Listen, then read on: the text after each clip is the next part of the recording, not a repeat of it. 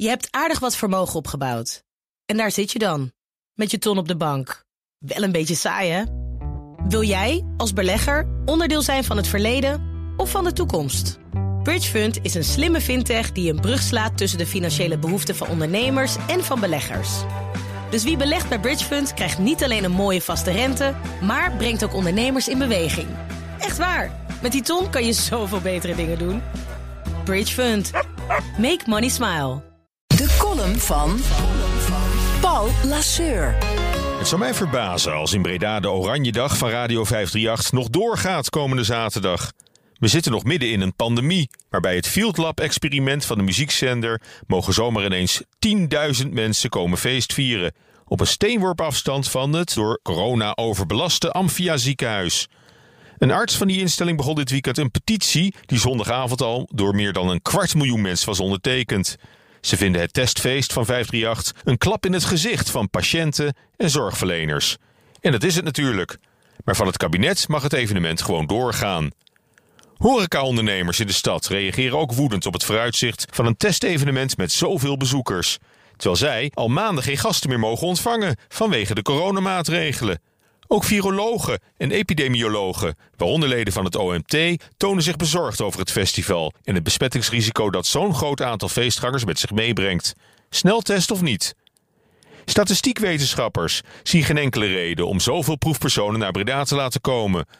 Als een steekproef veel groter is dan nodig, zoals in dit geval, zijn de risico's veel te groot, verklaren ze op deze zender. Ze noemen de voorgenomen massabijeenkomsten van Field Lab pseudo-experimenten. Niemand vindt de 538 Oranje Dag een goed idee. Behalve het kabinet, de gemeente Breda en die 10.000 partypeople natuurlijk, die zo gelukkig waren om een kaartje te bemachtigen. Het is de zoveelste blunder van een zwalkende overheid die een falend coronabeleid voert. Dit valt toch niet uit te leggen aan alle brave burgers die alleen als alles meezit, straks thuis misschien weer twee bezoekers per dag mogen ontvangen, mits de cijfers het toelaten uiteraard. Die al maanden thuis werken en desondanks herhaaldelijk vijf dagen in quarantaine doorbrengen, om maar geen enkel risico te nemen voor de omgeving. Als je dan toch zo nodige massa-evenement wilt houden, waarom dan geen prikfestival?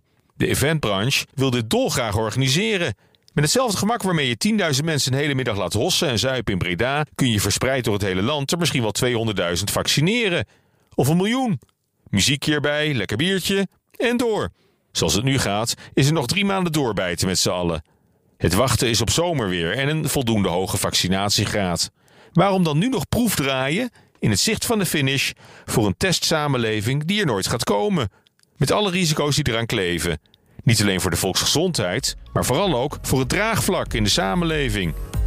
Alleen samen krijgen we corona onder controle. Prettige maandag! Je hebt aardig wat vermogen opgebouwd. En daar zit je dan, met je ton op de bank. Wel een beetje saai, hè? Wil jij, als belegger, onderdeel zijn van het verleden of van de toekomst?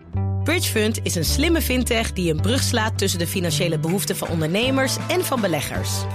Dus wie belegt bij Bridgefund krijgt niet alleen een mooie vaste rente, maar brengt ook ondernemers in beweging. Echt waar, met die ton kan je zoveel betere dingen doen. Bridgefund. Make money smile.